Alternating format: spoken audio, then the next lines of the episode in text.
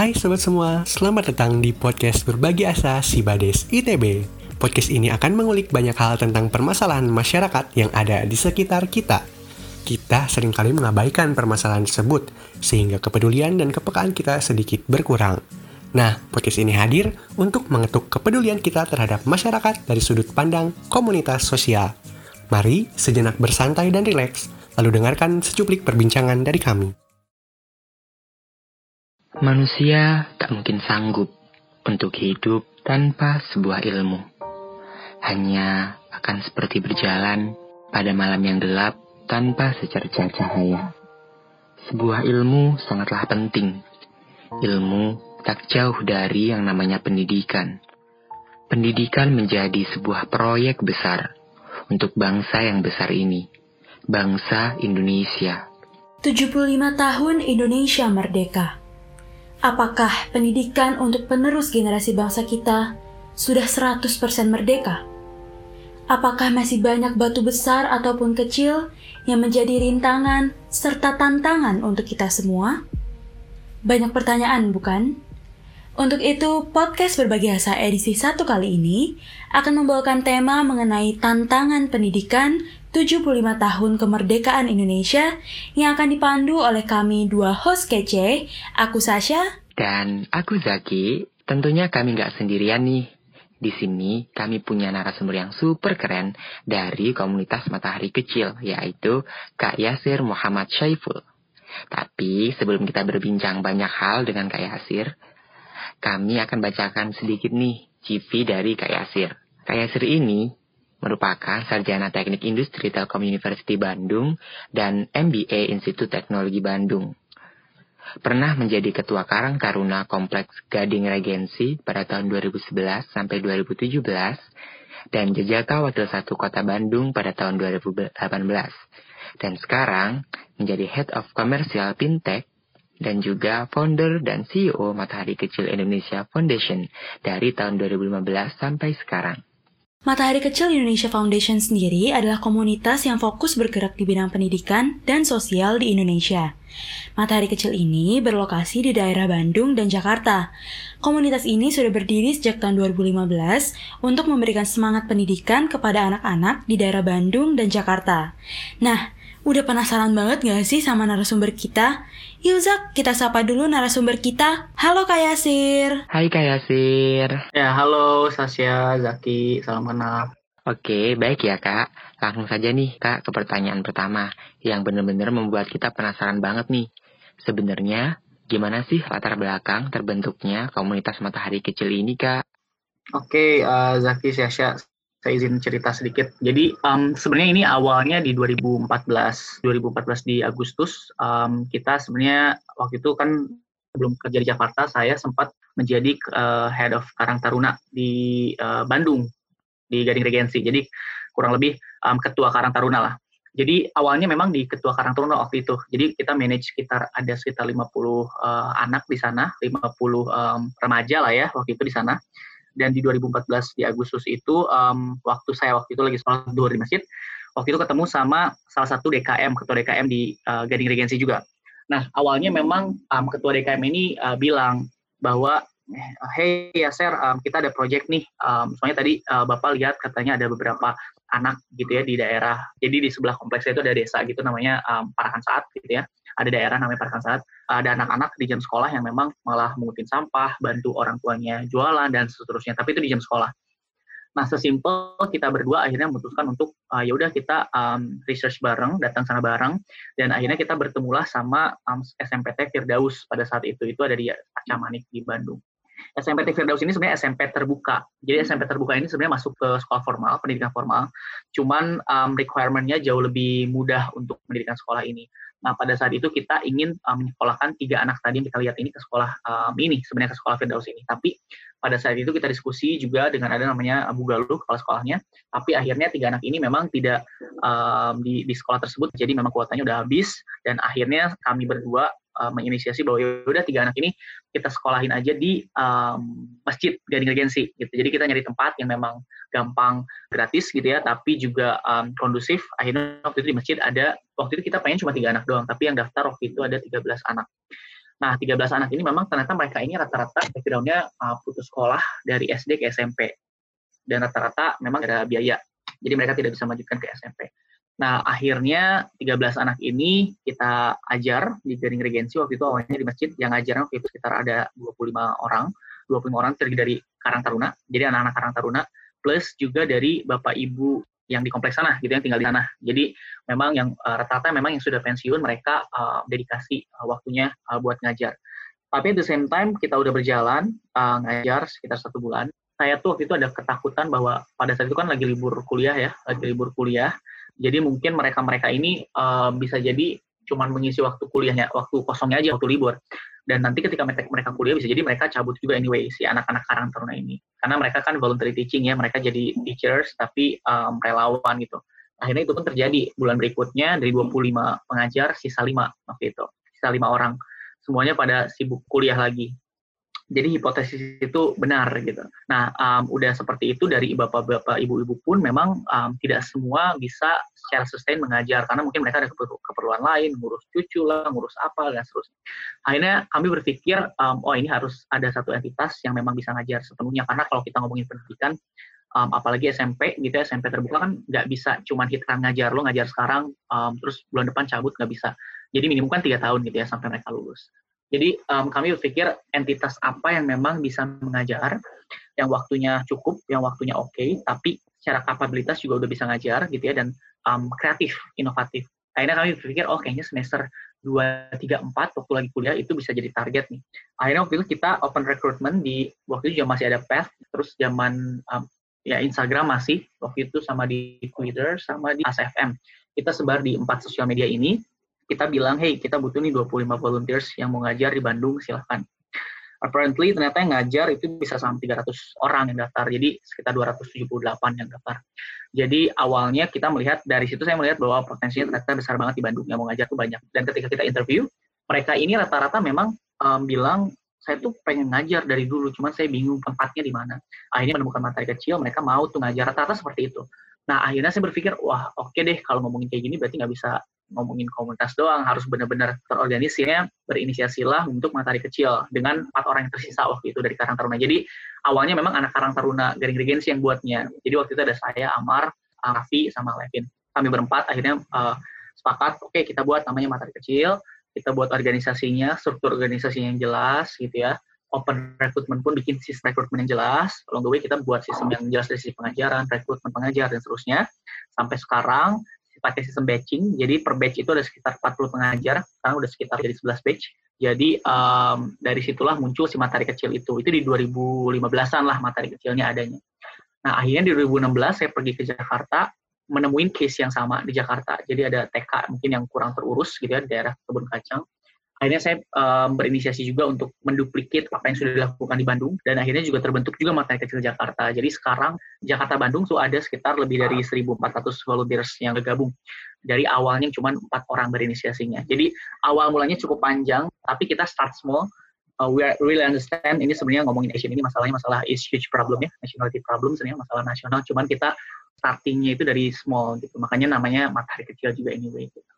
Wah, menarik banget nih kak latar belakang dari matahari kecil. Nah terus kalau boleh tahu kak, kondisi pendidikan dari adik-adik kompleks Gading Regency maupun di daerah yang di Jakarta itu ketika awal merintis itu bagaimana ya kak? Kalau yang Bandung memang mereka ini rata-rata notabene memang kami dari yang memang namanya statusnya memang C mungkin ya bisa dibilang. Jadi memang kita bilang mereka juga tidak bisa melanjutkan pendidikan tuh gara-gara uh, biaya gitu. Nah, tapi mereka pun tipikalnya dari sisi pendidikannya mereka ini dari SD sampai SMP tapi tidak keterima di SMP mana pun. Pertama, tidak keterima di SMP mana pun gitu ya. Terus yang kedua, ada yang keterima tapi mungkin jauh dia nggak kuat biayanya tuh kalau misal tiap hari pulang pergi dan seterusnya. Jadi rata-rata kalau yang di Bandung memang seperti itu um, apa uh, persona dari sisi um, studentsnya. Nah, kalau di Jakarta ada agak sedikit beda. Kalau di Jakarta ini kita bantu dari sisi sekolahnya. Jadi memang sekolahnya ini ada sekitar um, lebih dari 20 anak ya, anak-anak TK ya kalau di kita Jakarta TK Warga Teladan namanya. Tapi pengajarnya waktu saya datang itu cuma tiga dan pengajar eh, pengajar aktifnya cuma dua bahkan. Nah ini unik juga nih studentsnya cukup banyak bahkan studentsnya dulu tuh bisa ratusan sekarang turun jadi 20. Dan kalau di Jakarta typical studentsnya ini campur-campur. Memang ada yang memang ratus ekonomi sosialnya memang uh, tinggi, ada juga rendah gitu. Jadi macam-macam gitu. Jadi kita bantu buat sistem yang sama kita kasih pengajar juga sana, uh, volunteers dan juga kita bikin event-event yang memang kreatif. Harapannya bisa semangatin anak-anak di sana juga biar belajarnya jauh lebih kreatif juga, kayak gitu mungkin. Oh gitu, oke kak. Uh, tadi kan sebenarnya kita udah ngomonginnya dalam lingkup kecil gitu ya kak. Nah, tapi kalau kondisi pendidikan di Indonesia secara general waktu itu tuh kalau menurut kakak ya, kakak jadi gimana? ketika ngomongin um, pendidikan di Indonesia gitu ya um, itu tuh sebenarnya masif banget maksudnya nggak akan beres sehari gitu karena memang kalau ngomongin pendidikan di Indonesia agak sedikit tricky kita ngomonginnya masalah nasional jadi gini kalau ingin dari ngomongin APK angka partisipasi kasar jadi APK ini kita ngukur seberapa besar um, contribute anak di umur situ contoh APK itu ada uh, di umur contoh APK SD, ada APK SMP, ada APK SMA atau bahkan APK Higher Education. APK ini cara ngitungnya memang orang-orang misal kita ngomongin SMP berarti umur 12 sampai 15 tahun contoh dari umur 12 15 tahun ini kita bandingin yang sekolah dibandingin sama total populasi. Nah, ketemulah APK-nya. Jadi berapa persen anak yang memang um, sudah gabung di uh, sistem pendidikan Indonesia. Nah, itu pun angkanya juga contoh di Jawa Barat. Kalau di Jawa Barat pun kurang lebih um, di itu angkanya makin turun tuh. Kalau contoh di Jawa Barat itu bisa sampai angka partisipasi kasar di SMP itu sekitar 60, nanti turun lagi ke 40, turun lagi bahkan ke 17% itu ketika di S1. Jadi kalian mungkin yang udah lanjut bachelor degree itu salah satu 17% yang memang beruntung di Indonesia gitu. Masih banyak yang memang tidak beruntung. Itu satu tuh ngomongin APK. APK itu memang um, artinya akses pendidikan itu memang menjadi kendala juga. Itu ngomongin akses. Ditambah lagi Indonesia kan um, pulaunya tuh banyak gitu ya dan bahkan uh, Pak Jokowi, Pak Menteri uh, udah bilang juga bahwa um, ini um, apa challenging gitu bahwa di Indonesia itu tersebar pulaunya sehingga nggak uh, bisa tuh kalau beda kalau ngomongin Singapura satu sistem bisa langsung um, jalan gitu. Di Indonesia tuh agak unik gitu. Ditambah culture yang berbeda-beda dan seterusnya. Itu satu ngomongin akses pendidikan. Ditambah lagi ngomongin akses pendidikan di tahun 2016 itu sekitar ada mungkin uh, hampir 2 juta anak um, putus sekolah juga. Jadi kurang lebih uh, sekitar 5 4 sampai 5 detik di 2016 ya, 4 sampai 5 detik itu sekitar ada satu anak putus sekolah. Jadi bisa bayangin cukup banyak tuh persentasenya. Um, dan rata-rata mereka putus sekolah gara-gara uh, biaya juga, biaya gitu ya, rata-rata masalah ekonomi. Itu ngomongin akses gitu ya. Um, ditambah lagi kalau teman-teman tahu lihat sekarang di tengah pandemi ini juga eh, rata-rata semua struggling lah. Maksudnya nggak cuman um, ngomongin sekolah bagus aja ya. Sekolah bagus sekarang struggling juga. Kita move ke digital semua gitu ya. Adaptasi baru, apalagi kalian bisa bayangin sekolah kita gitu ya. Sekolah kita yang memang um, notabene tipikalnya seperti ya, tadi yang udah saya jelasin. Jadi ngomongin akses itu salah satu PR. Terus yang kedua ngomongin kualitas juga. Ngomongin kualitas kita ngomongin angka PISA misal ya dari dari dari professional assessment kita lihat dari 2015 gitu ya 2017 itu masih Indonesia urutannya masih salah satu yang di bawah juga tuh. Urutan sekitar 2015 itu urutan sekitar 60-an dari sisi membaca dari sisi uh, matematika berhitung dan seterusnya. Ini menjadi PR juga nih jadi iterasi uh, membaca di Indonesia juga masih sangat kurang gitu ya. Ini harus ditingkatin juga kualitas plus juga tadi belum kita ngomongin dari sisi cara berhitungnya matematiknya dari sisi um, sainsnya dan seterusnya. Nah itu jadi PR-nya itu masif dan kita uh, percaya juga, yes kita tahu masalah Indonesia itu masif, tapi at the same time kita juga yakin bahwa ketika ada masalah besar ini, opportunity juga besar juga anyway. Jadi memang um, buat nyelesaian masalah pendidikan itu harus berpegangan tangan nih antara si pemerintah, terus ada juga guru itu sendiri atau aktivis pendidikan, terus ada media, terus nanti ada juga company gitu ya ataupun misi itu semuanya harus benar-benar elaborate buat uh, harus benar-benar kolaborasi untuk menyelesaikan masalah pendidikan di Indonesia karena masalahnya tadi cukup besar gitu loh. Wah, begitu ya kak. Jadi memang dari masa ke masa ini sektor pendidikan selalu banyak juga problem yang muncul ya. Tetapi tidak menutup kemungkinan juga. Pasti kayak ada perkembangan gitu di tiap tahunnya. Nah, menurut kakak sendiri, di 75 tahun kemerdekaan Indonesia ini kira-kira gimana sih kondisi pendidikan Indonesia dan potensi apa yang mungkin bisa dikembangkan nih nantinya buat bangsa Indonesia sendiri. Oke, okay, um, saya bicara dari kacamata saya mungkin yang uh, lima tahun, enam tahun di dunia pendidikan ya. Jadi um, saya juga sering berbicara juga dengan beberapa orang Kementerian Pendidikan, BSNP, gitu ya, Badan Nasional Pendidikan dan seterusnya. Um, kita diskusi lah sebenarnya seperti apa sih kondisi pendidikan saat ini. Jadi kalau kita lihat tahun ke tahun sebenarnya membaik kalau bisa dibilang. Jadi banyak inovasi-inovasi yang dihadirkan, terutama di tahun ini juga. Tapi at the same time, ketika inovasi itu dihadirkan, pasti selalu ada challenge juga nih. Karena inovasi baru, gitu ya, itu butuh understanding yang benar-benar um, dalam dari sisi guru, dari sisi siswa dan seterusnya. Contoh as simple as sekarang kita oke okay, kita move ke PJJ. Sekarang uh, surat edaran uh, pemerintah Menteri nomor 15 tahun 2020 yang berbicara tentang BDR, belajar dari rumah, PJJ. Itu semua ditertuang di sana. Tapi ketika itu tertuang juga dan harus diterapkan seluruh entitas pendidikan, ada hal yang memang belum pernah dilakukan tapi harus dilakukan. Jadi mungkin kalian bayangin mungkin sekolah-sekolah yang di pelosok yang belum pernah mengenal namanya LMS learning system tapi memang harus dituntut seperti itu gitu ya. Nah, ini inovasi-inovasi ini yang dikeluarkan memang perlu adanya standarisasi yang jelas dan juga aksi yang jelas. Makanya sekarang kalau dilihat mungkin pendidikan sekarang adaptifnya tuh cepat banget mereka belajar keluar. Terus PJJ yang kemarin uh, nomor uh, 15 tahun 2020 udah PJJ keluar ada masalah dari sisi yang um, 3T daerah 3T itu memang susah untuk menerapkan uh, pendidikan seperti ini otomatis keluar lagi um, apa um, regulasi baru menyesuaikan hal tersebut bahwa oke okay, kalau di daerah 3T kita nanti kasih pendanaan dari bos afirmasi kinerja sama ada reguler gitu ya itu khusus untuk daerah 3T itu bisa digunakan untuk beli barang bisa digunakan untuk beli apa um, kuota dan seterusnya. Jadi angin segar lah menurut saya sekarang udah mulai ada angin segar di mana uh, dari sisi pemerintah pun adaptif gitu ya apa yang ada regulasinya cepat disesuaikan. Makanya kalau teman-teman lihat di YouTube gitu ya dari Kementerian Pendidikan Indonesia mungkin hampir uh, quarterly dia pasti post video tuh regulasi apa yang baru menyesuaikan dan seterusnya. Dan kita harus up juga sama itu. Jadi kalau saya lihat ada angin segar itu kalau ngomongin pemerintah. At the same time kalau ngomongin di bawahnya ngomongin dari private sector company startup dan seterusnya itu pun masif juga tuh. Bahkan dari luar pun datang ke Indonesia karena ngelihat marketnya it's huge market gitu loh. Um, jadi banyak juga yang membantu. Mungkin mereka yes mencari profit, tapi kita juga harus berpikir bahwa mereka-mereka ini menyelesaikan masalah loh gitu loh. Jadi dari dari dari grassroots pun mulai muncul um, startup yang besar di pendidikan gitu ya dari mungkin kecil-kecil tapi um, banyak gitu ya masif. Dan saya harap ini juga bisa bisa saling support karena yang tadi balik ke poin pertama bahwa untuk menyelesaikan ini nggak bisa kita um, pointing finger ke uh, pemerintah. Oh ini pemerintahnya jelek nih, oh ini nggak bisa. Jadi kita harus beneran berpikirnya secara sistem. Pemerintahnya udah ada bagiannya, kita mau ngelakuin apa gitu loh. Kita mau ngelakuin apa sebagai anak muda, lo mau menyelesaikan masalah pendidikan di bagian mananya. Kalau pola pikirnya seperti itu semua, um, itu baru bisa pelan-pelan nutupin bolong-bolong tadi. Tapi kalau pointing semua, bolong-bolong tadi even kesulitan juga gitu loh. Jadi memang harus benar-benar uh, masif lah si solusinya. Tapi along the way sekarang jauh lebih baik dan harapannya pun amannya uh, pendidikan Indonesia jauh lebih uh, adaptif ya yang paling penting. Nah, um, satu hal juga kalau melihat potensi tadi pertanyaan uh, Zaki ketika potensi uh, potensi Indonesia seperti apa sih?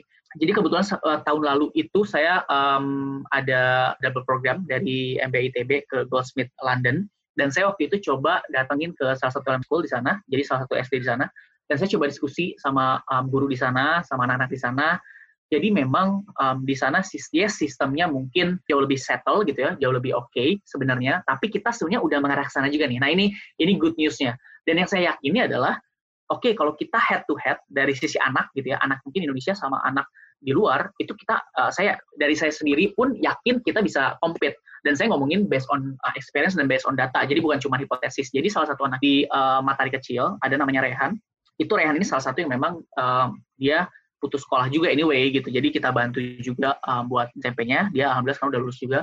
Dia itu kita lombain pidato mengenai Jepang. Ini baru antar Indonesia, antar Indonesia dan itu di Bandung. Kalian bisa bayangin Bandung kita terpencil gitu ya sekolahnya terkenal tapi compete sama memang sekolah-sekolah yang mungkin sekolah negeri dan seterusnya SMP negeri. Rehan ini juara satu pidato mengenai Jepang. Uh, Rehan juara satu uh, dan kita nggak tahu nih hadiahnya atau si yang ngadain ini siapa. Dan ternyata yang ngadain ini adalah wali kota Hamamatsu Jepang langsung. Dan gak lama dari situ setelah Rehan dapat piala saya ditelepon sama uh, apa salah satu dosen Unpad. Dia dosen saya lupa sastra Jepang atau apa saya lupa. Um, dia telepon bahwa hey ini ya saya materi kecil betul ya betul. Um, katanya dibilang bahwa Rehan ini berkesempatan untuk pergi ke Jepang bahkan Rehan berkesempatan pergi ke Jepang selama dua minggu untuk mengenalkan Jaipong, silat dan seterusnya. Dan itu kan sesuatu yang saya pun jujur saya belum pernah ke Jepang. Saya jauh lebih bangga ketika anak saya ditawarin seperti itu. Nah jadi ketika anak itu kita diskusi dengan orang tuanya orang tuanya bahkan di awal nolak. Karena orang tuanya mikir ngapain anak saya ke Jepang? Saya mending duitnya aja gitu. Ya teori Maslow lah kalian paham ya paling basic itu uh, myths gitu ya. Ngapain mikirin uh, apa mikirin hidup-hidup yang pre, uh, tersier tapi ketika yang premiernya belum ini terpenuhi akhirnya PR kita public relation kita diskusi sama orang tuanya akhirnya mau dan Rehan berangkat dua minggu ke Jepang dia mengenalkan uh, Jepang gitu ya, dia, dia mengenalkan Indonesia, dia belajar Jepang gitu ya dan seterusnya. Dan ini anak smart gitu loh. Ini yang saya bilang tadi potensinya. Dan bahkan yang bikin miss lagi setelah Rehan dua minggu di Jepang, dia balik ke Indonesia. Um, dua bulan kemudian saya ditelepon lagi sama orang yang sama bahwa katanya, hey um, ini katanya wali kota Hamamatsu Jepang ini pengen langsung hadir ke sekolah matahari kecil katanya. Ini wali kota Jepang loh, kalian bisa bayangin. Dan kalian bisa bayangin mungkin komplek kita tuh nggak terlalu besar, gerbangnya juga nggak terlalu besar juga tiba-tiba pada saat itu saya yahin kita juga apa aku kumpulin semua anak-anak dari um, yang udah sekolah di kita gitu ya kita siapin mereka uh, apa um, welcoming dari uh, angklung dan seterusnya akhirnya ada dua bus dikawal dengan uh, motor polisi gitu ya itu uh, masuk ke komplek kita yang kecil datang dan itu mereka semua uh, keluar dengan jubah-jubah um, panjang gitu ya. Nah itu memang uh, pemerintahan dari semua dari Hamamatsu dan mereka datang ke sekolah kita dan mereka apresiasi katanya bahwa ada sekolah gratis ya yang memang bisa support anak dan juga yang ngajarnya anak muda semua gitu dan yang paling penting bisa menghidupi diri dari social entrepreneurship gitu. Nah itu yang tadi saya bilang based on data karena saya yakin saya yakin lah Indonesia itu bisa compete di internasional kalian mungkin banyak lihat yang lomba apa juara lomba apa. Nah, jadi kalian bisa bayangin kita udah punya benih yang oke okay, ditambah season yang oke okay, kalian bisa lihat mungkin 2035 Indonesia bisa jadi kayak gimana kalau balik lagi ke komunitas matahari kecil nih kak, eh, gimana sih perubahan yang terjadi pada pendidikan anak didiknya sejak pertama kali merintis hingga sekarang ini? Oke, okay, good question. Jadi um, waktu minggu pertama, minggu kedua saya ngajar waktu itu saya ngajar matematika bahasa Inggris, uh, ya matematika bahasa Inggris doang. Saya ngajar dua um, subjek dan waktu saya ngajar itu di minggu pertama megang dua kelas.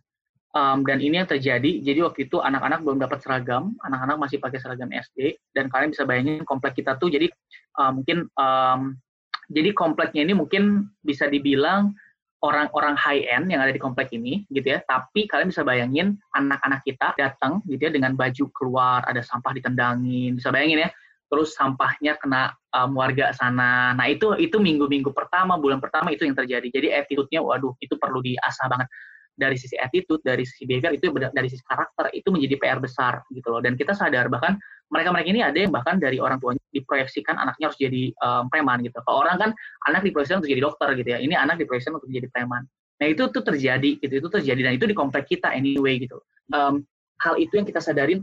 Um, saya tuh yakin bahwa knowledge itu bisa belajar semua, tapi ketika ngomongin karakter attitude itu a bit different dan itu agak-agak uh, menurut itu malah agak lebih sulit menurut saya buat um, manage-nya. Jadi hal yang pertama kita terapin, briefing volunteers, briefing guru semua bahwa ini kita fokus attitude dulu. Makanya pagi sholat duha dulu bareng-bareng mau nggak mau itu harus ikut. Terus diajarin apa tata krama juga di kompleks seperti apa, nggak cuma di kompleks juga gimana cara ngomong sama yang lebih tua. Tapi itu memang uh, butuh waktu yang cukup lama juga. Jadi bulan pertama pun bahkan ketika saya ngajar ada anak yang um, saya lagi ngajar, kalian bisa bayangin, kalian bayangin depan anak, 30 anak, um, dan mereka ini um, tiba-tiba lagi saya ngomong, dia tiba-tiba manggil tukang cincau di luar. Kalian bisa bayangin, manggil tukang cincau luar dan cincau juga nyamperin juga, dan dia beli, dan dia minum, lagi belajar. Kalian bisa bayangin, itu attitude-nya udah sampai sebegini, tapi saya diemin, tapi saya diemin. Ketika udah diemin, uh, pulangnya saya panggil. Pulangnya saya panggil, saya uh, bilang bahwa itu bukan hal yang baik gitu ya, karena ketika kamu gitu juga yang lain melihat, melabel itu hal yang normal. Dan ketika itu terus dibiarkan, kalian bisa uh, bisa bayangin itu akan menjadi culture di sekolah itu dan nggak akan benar juga anyway. Jadi kita jelasin ke mereka pelan-pelan, pelan-pelan sampai akhirnya anak-anak ini sudah tingginya pun jadi lebih tinggi dari saya. Anak ini pas mau lulus, ini yang buat saya ngucurin air mata juga gitu. Jadi waktu pelepasan anak, anak ini jejer di depan gitu ya dan um, dia berterima kasih kepada volunteer walaupun beda-beda kakak-kakaknya tapi kita ngerasa terbantu banget. Dan akhirnya dia ngasih bunga dan dia bilang bahwa um, dari cara ngomong itu udah berubah gitu ya dari cara attitude dia udah jauh lebih kalem. Malah yang dulunya dominan itu jadi jauh lebih kalem. Hal-hal seperti ini yang akhirnya kita ngeliat wah ini ini ya the power of education tuh beneran. Kita ngerasainnya setelah udah tiga tahun tuh wah gila sih ini um, kita tuh bangga itu mungkin hal kecil bagi orang lain tapi bagi kita tuh pengajar tuh wah, itu sesuatu banget.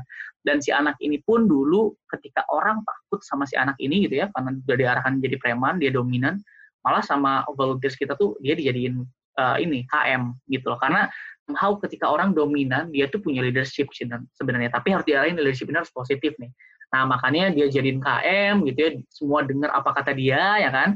Uh, tapi at the same time kita juga uh, didik mereka juga. Jadi dari attitude itu udah jauh lebih uh, baik lah.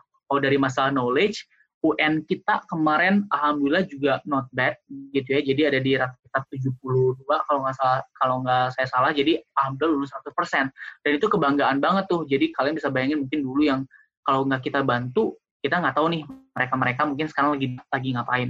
Tapi ketika udah lulus uh, ujiannya gitu ya nilainya juga oke okay, dan bahkan mereka sekarang rata-rata melanjutkan ke SMK gitu. Jadi itu yang ngebuat kayak wah ini perubahannya kerasa banget gitu. Dan itu kita hal itu juga ngebuat kita nggak nyerah sampai sekarang gitu loh. Jadi udah mau tahun kelima udah mau jalan tahun keenam tetap terus pegang amanah itulah sampai mungkin sampai kapan pun ya itu bakal jadi kita pegang amanahnya kayak gitu loh loh kok iklan pada mikir gitu ya Hayo, lagi pada serius dengerin kan? Penasaran gak sih selanjutnya ngomongin apa mereka? Yuk, lanjut lagi.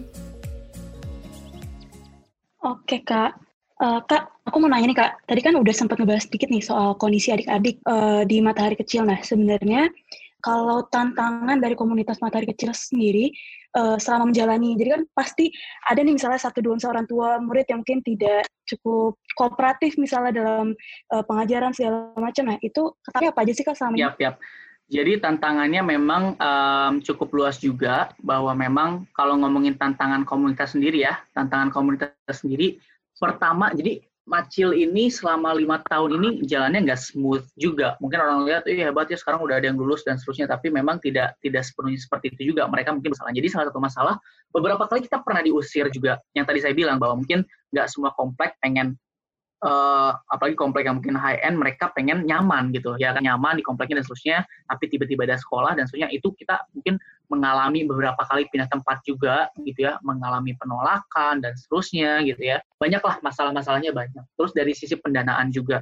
Saya melihat ya rata-rata yayasan rata-rata di Indonesia sih ya yayasan itu rata-rata tuh kalau saya bilang banyak yang kayak gini gitu. Maksudnya banyak yang memang mengandalkan hanya donasi dan saya waktu itu berpikiran kenapa sih nggak ada kenapa nggak buat yayasan yang memang dia bisa berdikari juga gitu dari sisi finansial dari sisi apa pun gitu ya.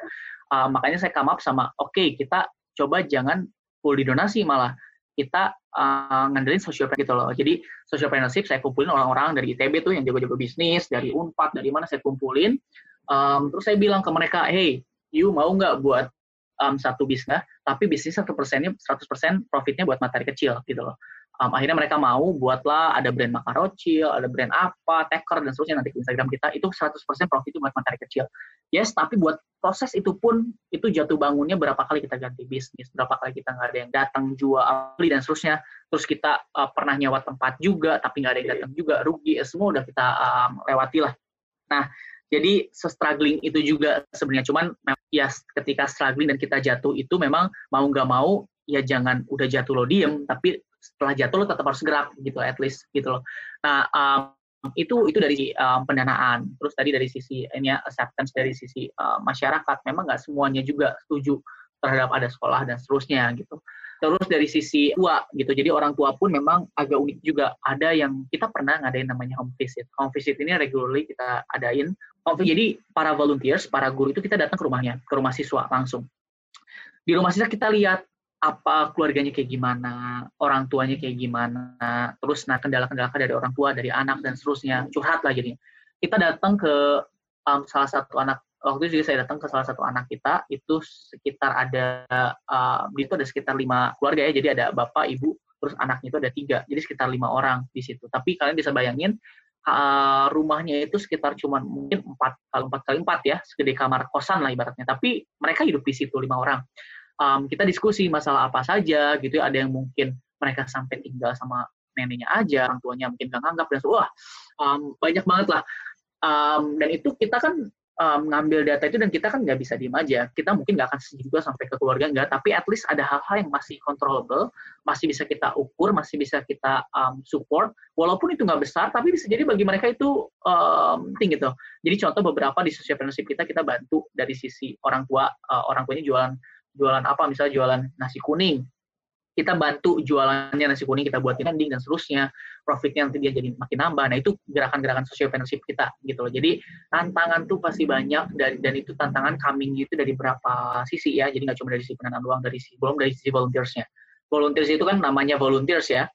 Lo dikasih keluasaan buat datang nangga enggak juga enggak gitu ya silahkan. Um, dan kita nggak ngasih uang anyway gitu loh. Jadi harus benar-benar di understanding kita harus nyari volunteer seperti apa. Makanya ada ada seleksi di awal. Terus ketika udah join pun apa hasil kita develop dari mereka sehingga mereka uh, merasa bahwa oh, materi kecil ini yes gue nggak dapat duit tapi gue dapat ilmu yang banyak di materi kecil. Dan itu menurut gue jauh lebih dari uh, valuable dari duit misal. Hal itu yang akhirnya kita um, come up with gitu ya uh, buat buat buat nyelesain masalah-masalah tersebut. Nah di kondisi pandemi saat ini nih pasti kayak mungkin ada tantangan-tantangan baru yang dihadapin sama komunitas matahari kecil. Gimana tuh kak? Ya, pandemik ini benar kita kayak apa ya, kayak di kayak tabrak truk gitu ya. Jadi memang hal baru mau nggak mau harus harus benar uh, menyesuaikan. Kebetulan kan saya juga um, pengalaman itu saya pernah di uh, lama di ruang guru juga. Sekarang juga sama di startup uh, fintech sama-sama di pendidikan juga. Saya um, dealing sama sekolah-sekolah keren, sekolah-sekolah hebat, bahkan sampai sekolah-sekolah di pelosok. Saya bisa bandingin tuh gapnya kayak gimana. Jadi ya yang tadi saya bilang di awal bahwa lah keren aja, struggling buat dapetin buat apa buat sekarang um, PJJ ini masa PJJ ini gitu loh. Karena masa transisi gitu ya, masa shifting. Beneran kita harus move dari yang offline ke online atau move ada hal-hal yang baru yang harus diterapkan. Dan kita pun cukup struggling juga di materi kecil bahwa anak-anak kalian bisa bayangin nggak semua punya HP, ada yang punya HP tapi HP-nya mungkin lemot dan seterusnya gitu ya. Nah, um, akhirnya kita tapi tetap keep up juga informasi dari Kemendikbud bahwa bisa di TVRI, bisa di mana. Jadi so far mereka anak belajar dari sana. Kita bekerja sama juga sama beberapa startup. Ada beberapa startup dari Singapura, Microsoft dia um, provide juga gratis aplikasi buat belajar bahasa Inggris. Kita juga uh, collab juga sama mereka. Hal kayak gitu masih kita terapin juga dan yang paling penting saya suka banget sama inisiatif um, kementerian kemarin yang uh, mengeluarkan bahwa di PJJ ini sebenarnya entitasnya bukan cuma guru sama anak. Jadi kunci dari uh, PJJ ini malah ada entitas baru yaitu ada orang tua.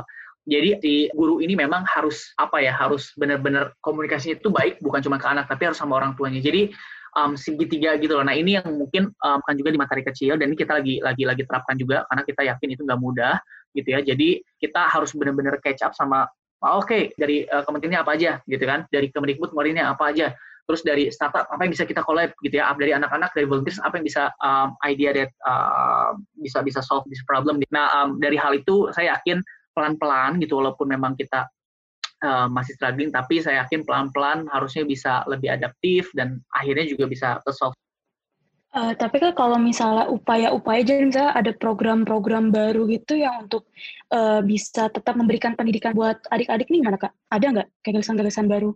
Jadi memang sekarang gitu ya karena mungkin kemarin pun di angka Jabar wing naik banget gitu ya. Jadi memang kita full masih online dan yang tadi saya bilang inisiatif baru adalah inisiatif collaboration dengan other startup gitu ya, other community di mana mereka-mereka punya produk bagus dan mereka-mereka juga butuh users gitu ya. Kita bisa collab yang tadi mereka bisa belajar bahasa Inggris lewat apps dan appsnya ini unik. Appsnya ini bisa dipakai sama low end uh, smartphone sebenarnya.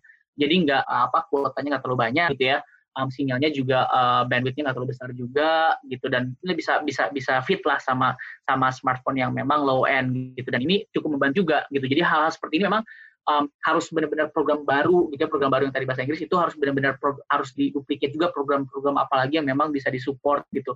Dan sekarang pun kita lagi juga diskusi uh, pembelajaran sekarang di 2021 di 2020 ini sampai Desember ini mau seperti apa? Karena kan 13 Juli kemarin baru masuk gitu ya. Dan kita masih masih di proses planning lah gitu loh. Jadi ada hal-hal baru gitu. Tapi kita again um, filter lagi mana yang visible mana yang enggak. Karena unik baru ini mungkin di sekolah bagus bisa langsung efektif. Tapi when it comes ke our school itu it's quite different. Jadi memang adaptasi itu yang memang harus pahami gitu sebagai pertanyaan terakhir nih, Kak, apa sih pesan dan harapan Kakak untuk mahasiswa, terutama dalam berkontribusi di bidang pendidikan saat ini? Pesannya selalu sama, saya kalau di materi kecil. Jadi salah satu uh, uh komunitas atau gerakan materi kecil atau apa pun itu, di materi kecil itu memang ada satu message yang pengen kita sampaikan. Bahwa kenapa namanya materi kecil, karena memang kita tahu matahari itu kan sumber energi. Kita tahu matahari itu matahari itu memberi manfaat ke semua planet gitu ya, terutama ke bumi. Nah, at the same time kita naruh kecil di belakangnya gitu loh. Jadi ini agak sedikit um, apa ya klise lah. Dibilangnya bahwa matahari kecil kita tahu memberi manfaat dan kecil ini um, yang bertolak belakang sama matahari. Kita mau bilang bahwa di pendidikan itu kita analogikan dengan matahari gitu bahwa di pendidikan ini as long as um, mau lo belajar, mau lo ngaji, itu lo pasti ngasih manfaat dan memberi manfaat. Lo dapat manfaat, lo memberi manfaat take and give Nah, matahari itu sumber energi, ngasih manfaat, tapi kita ada kecil. Kecil ini kita mau bilang bahwa, hey, kita, sekarang mungkin sekarang ada dari 1.500 volunteers in total. Tapi jangan lupa, kita tuh starting jadi dari empat orang loh. Kita tuh starting dari tiga anak doang loh, gitu loh. Jadi buat apa pun lo mau mikir um, besar apa pun dan kita tahu masalah ini tuh bukan masalah Bandung, tapi masalah Indonesia gitu loh. Yang tadi saya bilang APK rendah dan seterusnya itu masalah Indonesia gitu loh. PISA hanya masih rendah di literasi uh, baca dan seterusnya itu masalah Indonesia bukan masalah Bandung. Dan kita tahu ini masalahnya uh, besar banget, tapi kita yakin bahwa buat nyelesaian masalah besar ini lo bisa mulai dari yang kecil. Banyak orang nanti-nantiin dulu gerakan, nanti-nantiin dulu, ah, gue mau ini, gue nanti ini, nanti itu. Karena terlalu banyak terlalu banyak consideration di kepala gitu ya, dan terlalu mikir, oh masalahnya itu terlalu besar, kita harus sama solusinya besar juga. Enggak, itu harus dibalik malah. Malah masalah yang besar lo bisa bisa bisa apa bisa um, jalanin dengan solusi yang kecil dulu gitu ya, tapi tetap on track ujung-ujungnya ke sana juga gitu Nah ini jadi nggak harus nggak harus jadi uh, pinter dulu kalau lo mau ngajar gitu ya, nggak um, harus jadi besar dulu ketika lo mau bantu orang gitu loh. Nah, jadi pesan itu yang mau disampaikan uh, ini sih anak muda di Indonesia. Oke kak, iya bener banget nih kak. Aku setuju banget sih. Jadi ya emang uh, untuk mencapai sesuatu yang besar kita nggak harus langsung take action yang besar dulu gitu. Betul. Kita bisa mulai dari hal yang kecil, bertahap, kita bisa mencapai goals kita pada akhirnya. Terima kasih banyak kak atas sharing pengalaman ilmunya uh, kepada kita semua. Ini benar-benar nambah wawasan baru, nambah pandangan baru buat kita semua. Uh, sekali lagi makasih banyak kak. Ya sama-sama. Makasih banyak kak. Sehat-sehat semua. Semoga bermanfaat. Amin. Amin. Terima kasih juga untuk teman-teman yang sudah mendengarkan podcast ini. Semoga bisa memberikan semangat dan inspirasi untuk berkarya dalam mengikuti kemerdekaan Indonesia. Mendapat pendidikan adalah hak setiap warga negara. Namun, tak sedikit juga orang yang belum dapat merasakannya. Kerasnya hidup memaksa mereka untuk berhenti dari mimpinya. Namun kemudian, sebuah cahaya layaknya cahaya matahari datang untuk menyinari mereka. Matahari kecil adalah salah satu cahaya dari beribu cahaya itu. Cahaya bagi mereka untuk kembali menggapai mimpi untuk mencicipi pendidikan. Janganlah takut untuk bermimpi besar memajukan bangsa ini. 75 tahun Indonesia merdeka. Banyak tantangan pendidikan yang harus dihadapi di tengah gejolak pandemi yang tak kunjung usai. Mari bersama-sama bergotong royong membenahi negeri tercinta, Indonesia. Terima kasih sobat semua sudah mendengarkan podcast Berbagi Asa Sibades ITB.